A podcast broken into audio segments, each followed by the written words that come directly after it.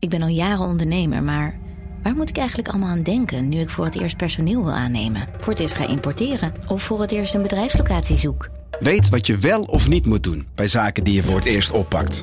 Check kvk.nl voor praktische stappenplannen. KVK, hou vast voor ondernemers. Al 125 jaar kwaliteit voor jou thuis met Miele. Dat vieren we met jou. Ontvang nu tijdelijk een cashback tot 125 euro op veel Miele-apparatuur. Geniet van de kwaliteit van Miele. Voor perfect verzorgd wasgoed en kleding die veel langer mooi blijft. Voor een stralend schone vaat, even perfect als jouw diners. En een stofvrij thuis waarin echt hygiënisch schoon de standaard is. Check miele.nl voor alle feestelijke aanbiedingen.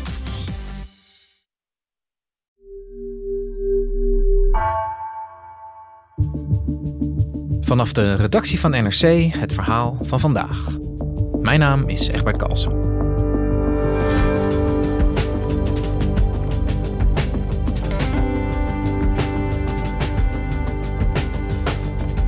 Na jaren van halfzachte oplossingen heeft het kabinet nu dan eindelijk zijn plannen gepresenteerd waar de stikstofuitstoot het meest omlaag moet.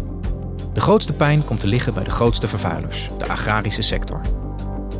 Politiek redacteur Rick Rutte ziet hoe met name VVD en CDA worstelen om dit besluit aan hun achterban te verkopen. Hoe stevig is de greep van de boeren nog op deze partijen?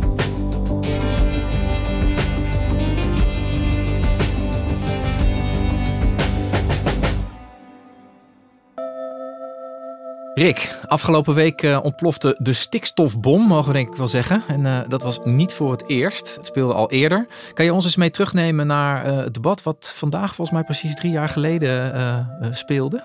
Ja, bijna drie jaar geleden. Dat was 20 juni 2019.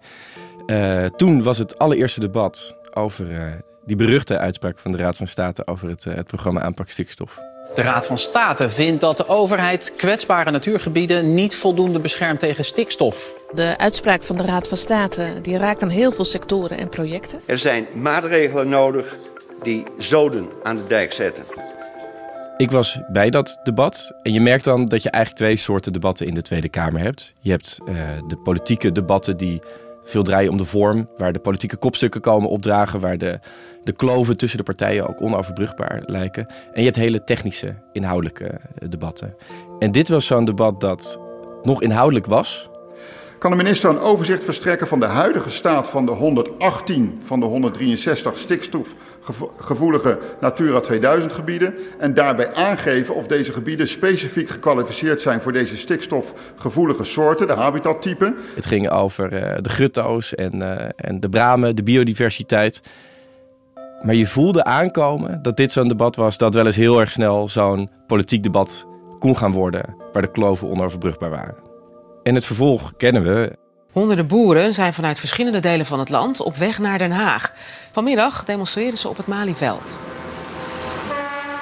Het gaat om onze gezinnen, onze toekomst, de toekomst van onze kinderen.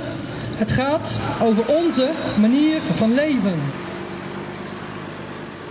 Ja, de boeren op het Malieveld, dat kunnen we ons allemaal nog levendig herinneren. Dat zullen we niet snel vergeten. Maar um, het stikstofdossier zelf, dat is eigenlijk de afgelopen tijd een beetje naar de achtergrond verdwenen, lijkt het wel. Ja, en dat is ook niet helemaal toevallig. Uh, voor een deel natuurlijk wel. Er was een tijd dat uh, Rutte stikstof de grootste politieke crisis uit zijn carrière noemde. Nou, we weten allemaal dat er inmiddels een nog iets grotere politieke crisis overheen is gekomen met de coronapandemie. Maar voor een deel was er wel degelijk opzet in het spel. Dat zat er namelijk in dat de coalitiepartijen uh, van, van Rutte 3 en van Rutte 4 zelf zagen hoe gevoelig dit dossier was. Dus terwijl zij verder spraken over een oplossing vinden voor dat stikstofdossier, probeerden ze ondertussen ook uit te vinden hoe ze dat niet nog een keer zo hoog konden laten oplaaien dat de boeren weer op het Malieveld zouden staan. Nou, hoe doe je dat? Bijvoorbeeld door te zorgen dat niet jij als landelijke overheid alle beslissingen maakt. En dat zag je terug. Toen het coalitieakkoord een paar maanden geleden werd gepresenteerd, stonden er heel grote stikstofdoelen in. Die waren ze niet vergeten. Maar de uitvoering van die doelen die kwam te liggen bij de provincies. Het enige tussenstapje was dat het Rijk dan nog wel aan die provincie moest vertellen hoeveel stikstof ze op welke plekken zouden moeten gaan weghalen. En dat gebeurde afgelopen vrijdag. Dat er iets gaat gebeuren is al lang bekend. Net als dat vooral de boeren keiharde stikstofmaatregelen voor de kiezen krijgen. Maar wat en hoe en hoeveel? Het antwoord op die vragen komt vandaag. Eindelijk, ruim drie jaar na de stikstofuitspraak van de Raad van State. En zodra die cijfers uitkwamen, uh, was eigenlijk de hele spirit van 2019 weer terug. En vooral bij CDA en VVD was dat meteen een reden voor enorme problemen. Ja, daar komen we zo nog even op terug, op die politieke spanning. Ik wil heel even met jou duidelijk proberen te krijgen wat nou het probleem is van stikstof. Waarom is stikstof voor Nederland een probleem? Kan je dat uitleggen? Ja, we, gaan het heel kort houden. Het probleem is eigenlijk niet stikstof, maar stikstofverbindingen, zoals stikstofoxide en ammoniak. Als die op de grond neerdalen op grote schaal, en dat doen ze tegenwoordig nogal eens in, uh, in Nederland, dan zorgt dat voor een enorme afname van de biodiversiteit. De grond verzuurt ervan. Er zijn planten en dieren die niet met zoveel stikstof om kunnen gaan. En dat is niet alleen iets dat natuurliefhebbers een probleem vinden, maar dat is ook iets dat juristen een probleem vinden.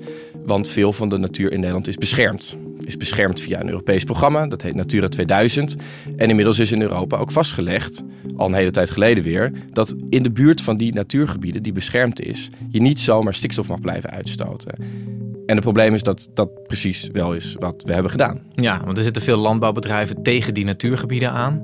En, en dat veroorzaakt uh, die verzuring, wat jij zegt. Ja, de grootste uitstoter in Nederland met afstand, met meer dan 40% van de totale stikstofdepositie, dat is de landbouw.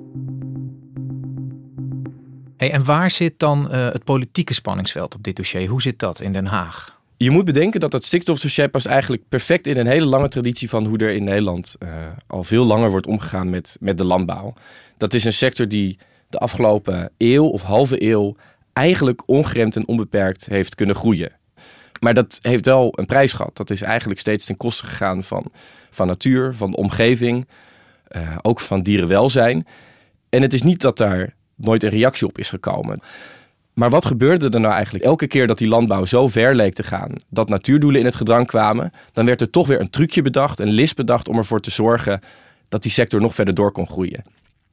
Al die jaren heeft de landbouw de grenzen overschreden. Maar het gevolg was niet dat we de landbouw gingen aanpassen, maar dat we de grenzen gingen verleggen. En, en welke partijen hielpen die landbouw dan zeg maar steeds met het oprekken van die grenzen? Nou, dan komen we aan bij onze hoofdrolspelers van vandaag. Dat zijn CDA en VVD. Vooral het CDA dat heel vaak de minister van Landbouw heeft geleverd. Maar ook de VVD, dat ook een grote partij is geworden in uh, de landbouw. Hey, en, en dan toch uh, presenteren zij uh, begin dit jaar een coalitieakkoord, een regeerakkoord. Waarin hele ambitieuze doelen werden gesteld om dat stikstofprobleem wel aan te pakken. En, en in deze coalitie zitten naast ChristenUnie en D66 ook VVD en CDA. En, en zij zijn toch met ambitieuze plannen gekomen. Hoe zit dat dan? Ja, het zal een beetje knarsetallend geweest zijn. Want CDA en VVD zijn nooit zo enthousiast geweest over uh, de stikstofaanpak. Als bijvoorbeeld een partij als D66, die ook in de vorige en in deze coalitie zat, die altijd heeft gezegd: we moeten hier wel wat aan doen. Dus wat is de oplossing die ze in plaats daarvan voor heel veel dossiers hebben gekozen? Is dan stellen we wel grote doelen en dan stellen we heel veel geld beschikbaar en dat gaan we lenen. En op die manier gaan we toch onze problemen oplossen. Want dan krijg jij je zin met het hoge doel en dan krijgt onze achterban de zin, want die krijgt een hele hoop geld. Het enige was dat de puntjes nog op de i gezet moesten worden. Dus de, die zak geld lag er, die 25 miljard, en ze hadden hun doelen geformuleerd, uh, maar uh, het werd niet concreet. Is dat nu inmiddels dan wel concreet geworden met die plannen van vorige week? Concreet genoeg om er boos over te worden. De boeren moeten wijken. Stikstofuitstoot rond natuurgebieden moet met 70% omlaag. En dat zal zeker ook op dat platteland uh, echt grote gevolgen hebben. Wat gaat dat betekenen voor de landbouw dan?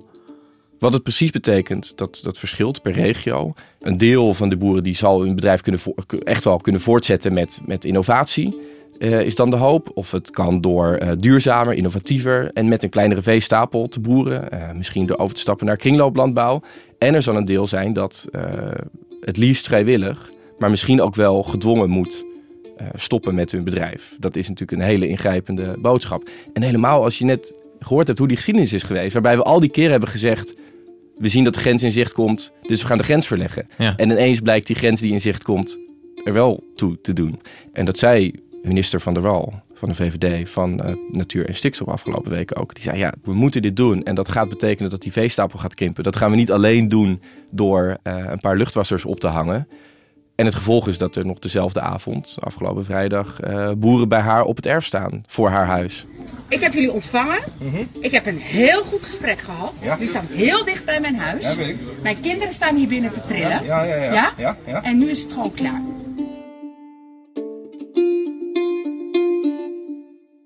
Goed, de kogel is dus door de kerk. Laten we eens even inzoomen op hoe dat dan bij die twee partijen, bij VVD en CDA, gaat. Waar komt die ophef binnen die partijen nou precies vandaan?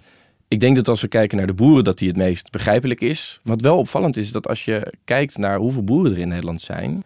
Er zijn maar iets van 50, 60.000 boeren in Nederland. Daar kun je nog niet eens een kamerzetel mee vullen. En toch zie je dat CDA en VVD, twee van de grootste partijen van, van Nederland, vechten om, om die boerenstem. Dat is omdat die boerenstem veel groter is dan die boeren alleen. Omdat ten eerste die landbouwsector wel degelijk groter is dan die boeren. Maar het zit er ook in dat er mensen in die gemeenschappen wonen, in die dorpen wonen, op het platteland wonen, die zich vaak enorm identificeren met die landbouw. Als je ziet ook hoe de, de boeren die toen naar het Malieveld trokken werden toegejuicht, dan zie je dat daar eigenlijk een bredere onvrede, een enorm uh, potent symbool heeft gevonden in die boeren. Dus eigenlijk is dat hele stikstofdossier electoraal misschien niet eens zo heel belangrijk als het ook puur over die boeren gaat. Maar is het meer een symbool geworden van, van een kloof tussen bestuur en achterban? Of hoe moet ik dat zien? Ja, en, en zoals zo vaak geldt, uh, symbolen zijn symbolisch, maar symbolen doen er ook toe. Uh, ze maken wel voor mensen iets zichtbaar wat ze, wat ze al langer voelen. Of het geeft een uiting aan onvrede. Je kunt je ook boos maken over de stikstofcrisis omdat je het ziet als Europese regels. Of als een probleem van linkse natuurliefhebbers die uh, de economie in de weg zitten. Ja. Dus je ziet dat zo'n onderwerp dat eigenlijk heel technisch was. En draait om ammoniak en stikstofoxide. Dat, dat dat ineens verworden is tot iets waar iedereen ook eigen onvrede aan kan ophangen. En zich vervolgens ook nog enorm kan identificeren met wie zij zien als het grote slachtoffer in deze crisis, namelijk de boeren. Ja, hey, en laten we eens eventjes naar die twee partijen afzonderlijk gaan kijken. Binnen het CDA, traditioneel een grote boerenpartij. Hoe, hoe, hoe uitzicht dit probleem zeg maar, binnen het CDA? Ja, je kan moeilijk overschatten hoe groot de positie is van de boeren bij het CDA. Dat is echt enorm bepalend voor niet alleen de achterban, maar ook de identiteit van die partij. Alleen je ziet nu dat dat al een paar jaar spaak loopt. Je zag dat vooral aan het begin van de stikstofcrisis. En om er één moment uit te halen, er was toen een partijcongres, een paar maanden nadat de stikstofcrisis was losgebarsten, waarin een toekomstvisie van de partij besproken zou worden. En daar stond één zinnetje in dat het hele congres beheerste. Duurzaamheid, dierenwelzijn en het inkomen van boeren zijn belangrijker dan dat Nederland de tweede voedselexporteur van de wereld blijft. Nou, wat denk je? Dat Lijkt... vonden ze niet leuk daar, denk nee, ik. Nee, en dat, de, dat woordje belangrijker, dat was de, de speel van een, een heel weekend aan discussie en, en onvrede. Is het CDA nog wel een partij voor de boeren? Deze vraag kwam vandaag naar voren op het CDA-partijcongres in Utrecht. In een discussiestuk is geopperd om de export van landbouwproducten te verminderen. En dat willen de boeren absoluut niet. Want het idee dat die grote exportpositie van Nederland, dat die in het gedrang zou komen, dat kon echt niet. Uiteindelijk hebben ze het herschreven, werd het, uh, het moest in balans zijn. Maar je merkte op zo'n moment enorm dat het CDA er eigenlijk niet uitkwam. Dat aan de ene kant er dus een beweging is binnen die partij die zegt we moeten dat oude gevoel ontstijgen. De landbouw is niet meer wat die was. We hebben ook zoiets als renmeesterschap, ook een oud CDA-ideaal. Zorgen voor de aarde en dat betekent ook de landbouw behouden, maar ook vernieuwen. En tegelijkertijd is er een heel groot deel van het CDA dat eigenlijk van geen wijken wil weten. Oké, dus dat zijn de problemen bij het CDA. En hoe ligt dat bij die andere grote coalitiepartij, de VVD? Bij de VVD is het iets minder vanzelfsprekend. Het is niet zo'n partij die zo sterk dat agrarische of landbouwimago heeft als het CDA. Maar bij de VVD speelt er eigenlijk iets anders. Het is een partij die altijd natuurlijk pleit voor een liberale aanpak. Voor de markt, die minder op heeft met regels, ook in dit geval. Plus die uiteindelijk wel ondernemers en dus ook in de landbouwsector een warm hart toedraagt. En het idee dat je daar ineens toch hard moet ingrijpen, dat valt heel zwaar. En dan is het misschien ook niet zo dat bij de VVD dat verzet even breed is en even door identiteit gedreven als bij het CDA. Maar het is wel een, een hele luide minderheid. Dat zag je wel op het congres van afgelopen weekend. Dames en heren, ik heb de uitslag van de motie. Voor hebben gestemd 51 procent. Het was een VVD-congres in Halfweg. En daar werd een motie over het stikstofbeleid tegen het stikstofbeleid gesteund door een meerderheid van de VVD-leden. dus die leden, die achterban van de VVD, die ging daar met 51% van de stemmen keihard in tegen het eigen stikstofbeleid. Waarmee de hele VVD-lijn overhoop ligt. En het zegt iets dat de VVD-top daar zo verrast door was. Dat zij zich zo in de luren hebben laten leggen. Dat zij dus niet nog snel even twintig vrienden van Sophie Hermans en Mark Rutte konden optrommelen om die motie weg te stemmen. En dit is voor een partij die normaal zo bezeten is van, van micromanagement en die alles goed doorheeft, echt is dat iets nieuws en iets schokkends.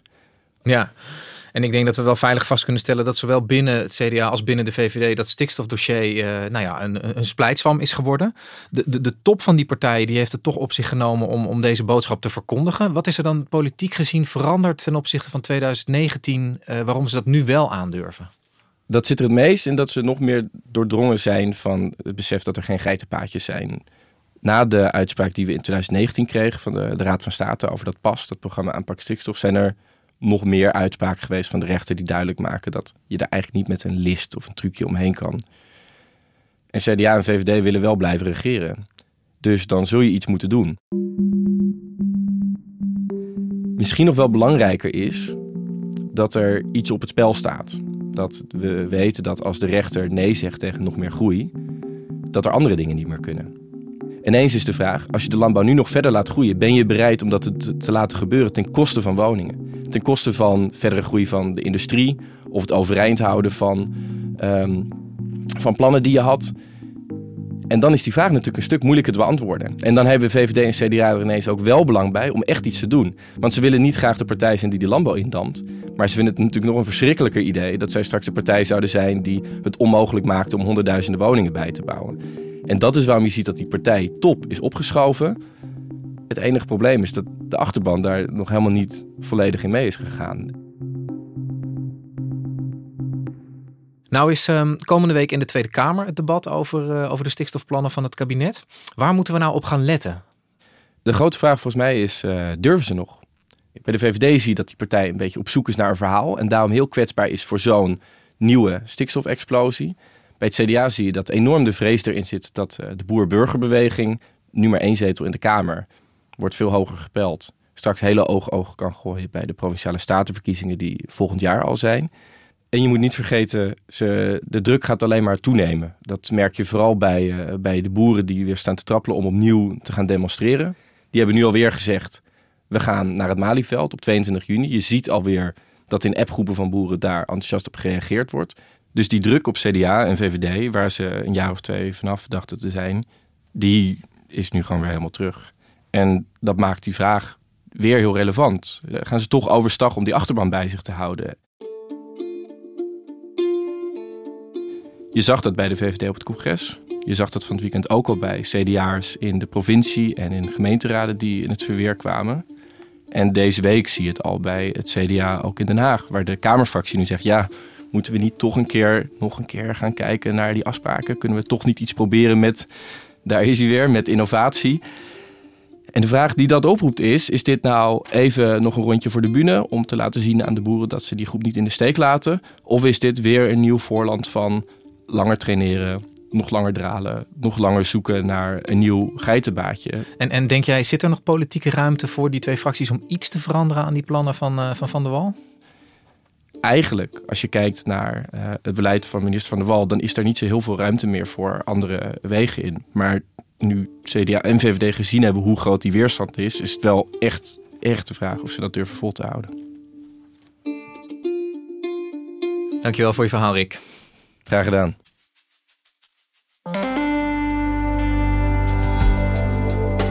Je luisterde naar vandaag, een podcast van NRC.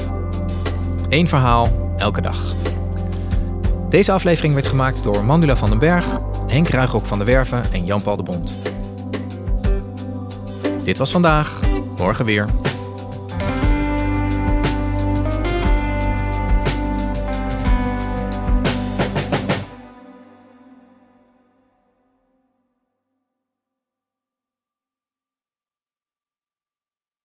Technologie lijkt tegenwoordig het antwoord op iedere uitdaging. Bij PwC zien we dit anders. Als we de potentie van technologie willen benutten, kunnen we niet zonder een menselijk perspectief. Human-led, tech-powered noemen we dat. Ga naar pwc.nl.